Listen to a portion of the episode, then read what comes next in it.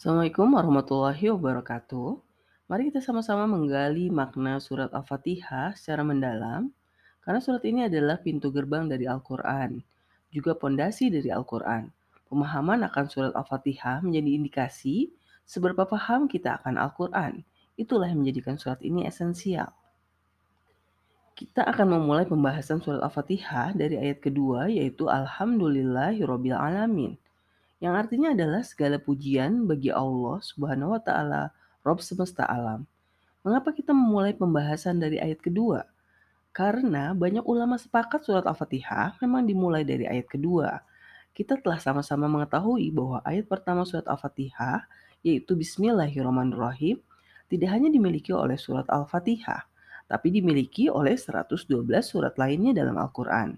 Itulah mengapa pembahasan surat Al-Fatihah tidak mengikut sertakan ayat pertama.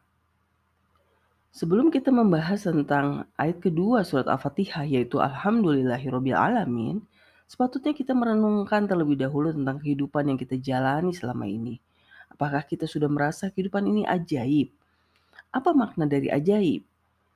Yaitu sesuatu yang magical, tiba-tiba ada, tiba-tiba muncul seperti sulap, seperti sihir. Mengapa pembahasan ini menjadi lebih penting?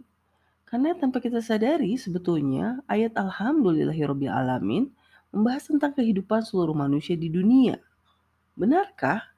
Mari kita telusuri bersama. Kita mulai dari diri kita sendiri. Eksistensi kita, apakah kita yang mengupayakannya? Oke lah, mungkin kedua orang tua kita yang mengupayakan kita hadir di dunia ini. Tapi manusia pertama yang lahir di dunia, Nabi Adam, alaihissalam atau manusia purba sebelumnya, Apakah dirinya yang mengupayakan ada? Lalu bagaimana dengan semua anggota tubuh kita? Bukan kita yang mendesain bentuk dan fungsinya, tapi mengapa semuanya bisa berfungsi dengan baik dan sesuai kebutuhan dasar manusia? Kita bahkan tidak bisa mengatur fungsi kerja organ tubuh kita, jantung, pembuluh darah, saraf. Apakah kita yang mengaturnya?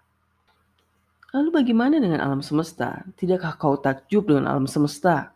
Kita tidak mengadakan ada diri kita dan mengatur diri kita. Apalagi alam raya, bumi, dan seisinya. Siapa yang mengadakannya ada dan mengatur semuanya berjalan dengan harmonis. Apakah kita tidak merasa semuanya begitu luar biasa, menakjubkan? Tidakkah terbesit dalam hati kita untuk mempersembahkan pujian pada yang mengadakannya ada dan mengaturnya berjalan harmonis sebagai bentuk kekaguman atas apa yang ada pada diri kita dan seisi alam raya? Kemampuan manusia mencipta sangat luar biasa. Segala hal bisa dibuat oleh manusia. Dunia bahkan luar angkasa bisa ditaklukkannya. Tapi mampukah manusia menciptakan manusia lain? Tidak dengan mekanisme yang wajar. Mampukah manusia menciptakan organ tubuhnya? Bahkan mentransplantasi jantung babi ke dalam jantung manusia pun belum membuahkan hasil seperti yang diinginkan. Akhirnya kita menyadari manusia sungguh tidak berdaya. Bukan kita yang mengadakan ada diri kita maupun semua yang ada di alam raya. Kita bahkan tak bisa mengatur semuanya bekerja dengan harmonis. Lalu siapa yang mengadakannya ada? Lalu siapa yang mengaturnya?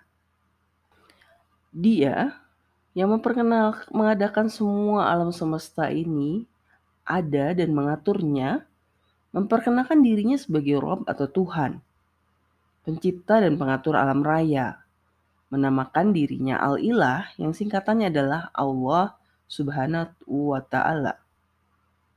Makna Al-Ilah adalah Sang Tuhan. Dalam artian, dia satu-satunya Tuhan yang ada di alam raya. Maukah kita menerima perkenalannya? Tuhan. Konsep tentang Tuhan sepertinya sudah lama dikenal manusia, tapi apakah ide awal konsep ini muncul dari imajinasi manusia atau langsung dari Tuhan sendiri? Jika kita membaca seksama ayat Alhamdulillahirrohmanirrohim ini, kita akan memahami ide awal konsep ini langsung dari Tuhan. Karena sesungguhnya imajinasi manusia tidak akan sanggup mencapai titik kesimpulan bahwa alam raya ini ada yang menciptakan dan mengaturnya.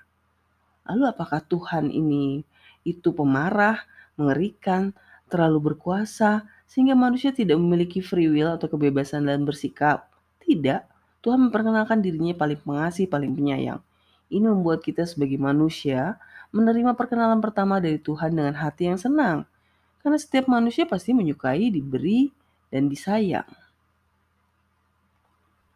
Lalu di mana Tuhan? Mengapa kita tidak melihat Dia? Benarkah Dia benar-benar ada? Tuhan memang tidak muncul di dunia kecuali kekuasaannya yang tergambar dari namanya Asmaul Husna, terutama dua namanya yang didahulukan dikenalkan pada manusia, yaitu paling pengasih, paling penyayang. Tuhan akan muncul nanti di hari kemudian setelah kehidupan di dunia berakhir, karena dia akan merajai atau menguasai hari pembalasan atau hari ad-din. Makna sebetulnya dari kata ad-din adalah agama. Lalu apa maksudnya hari agama? Kita belum benar-benar memahami makna hari agama. Para ulama menyatakan bahwa pada hari itu agama ditegakkan dengan sempurna. Karena itulah semua manusia akan dinilai perilakunya selama di dunia. Jika catatannya baik, maka ia akan mendapatkan balasan yang baik. Dan jika catatannya buruk, ia akan mendapatkan balasan yang buruk. Kesimpulannya, kehidupan ini tidak dihadirkan Tuhan pada manusia tanpa tujuan, ada pencapaian yang harus diraih oleh manusia selama hidup di dunia. Setelah kita memahami bahwa Tuhan satu-satunya pengatur dan penguasa di kehidupan sekarang maupun nanti, maka muncullah kesadaran untuk mengabdi dan meminta pertolongan hanya padanya. Seperti apa wujud pengabdian kita kepada Tuhan? Seperti kita bersekolah pada Tuhan, belajar apa pun yang Tuhan ajarkan. Mengapa begitu? Karena hanya Tuhan yang tahu seperti apa pengabdian manusia yang diinginkannya. Tapi jelas pengabdian tidak hanya melibatkan pembelajaran, tapi harus melibatkan amalan. Maka mengabdi pada Tuhan berarti mengikuti semua aturannya dan menjauhi semua larangannya. Seperti kita saat bekerja dalam suatu perusahaan, bukankah semua yang kita lakukan harus sesuai yang yang diperintahkan oleh bos kita? Kita juga harus mengikuti semua aturan yang ada dalam perusahaan kita. Seperti itulah bentuk pengabdian pada Tuhan. Bukankah dia menciptakan kita pasti dengan sebuah tujuan? Mengapa kita menikmati penciptaan dia dan apa yang telah diciptakan, tapi menolak untuk memenuhi tujuan penciptaan kita yang telah ditetapkannya? Lalu apa makna dari meminta pertolongan hanya pada Tuhan? Tentu saja meminta pertolongan di sini erat kaitannya dengan soal pengabdian hanya pada Tuhan. Tapi secara umum perasaan kita saat meminta pertolongan hanya pada Tuhan ada seperti waktu kita terjatuh bebas dan tidak ada pegangan, lalu tiba-tiba ada tali yang terulur dan kita pun selamat. Kita mestinya sadar tidak ada satupun yang bisa menolong kita dengan mengulurkan tali kecuali Tuhan. Lalu apa hal yang mendasar yang semestinya diminta oleh Tuhan? Dalam hal apa manusia sangat membutuhkan untuk ditolong? Iya, dalam hal pengabdian. Maka jika kita meminta pertolongan diberi petunjuk jalan lurus tegak, itulah yang sebenar-benarnya semestinya kita minta. Jalan benar yang dengannya kita bisa mendarat di bumi setelah jatuh bebas dan berjalan dengan teguh di jalan benar, agar bisa menuntaskan misi penciptaan kita di dunia. Kita ingin mendapatkan catatan baik di hari pembalasan, seperti juga orang-orang sebelum kita yang telah diberi nikmat oleh Tuhan. Mereka berbahagia karena berada dalam satu barisan dengan Tuhan. Kita tidak mau menjadi orang-orang yang dimurkai dan mereka yang tersesat. Tentu saja, mereka yang dimurkai dan tersesat adalah mereka yang tidak mau mengabdi hanya kepada Tuhan. Mereka tidak mau belajar di sekolah Tuhan dan berbakti di perusahaan Tuhan. Mereka melakukan amalan yang tidak bermanfaat dan akhirnya malah merusak diri mereka sendiri dan menenggelamkan diri mereka dalam kehancuran di dunia maupun di hari pembalasan. Sekian pembahasan tentang surat Al-Fatihah. Setelah penjelasan panjang tentang, tentang surat pertama dalam Al-Quran ini, tentu kita jadi sadar mengapa surat ini disimpan di bagian pertama Al-Quran. Surat ini memberikan gambaran umum tentang keseluruhan isi Al-Quran dan bagaimana kita semestinya bersikap dalam menjalani kehidupan dunia ini. Sungguh surat pendek yang sangat powerful. Terima kasih sudah menyimak. Tunggu konten kami selanjutnya. Assalamualaikum warahmatullahi wabarakatuh.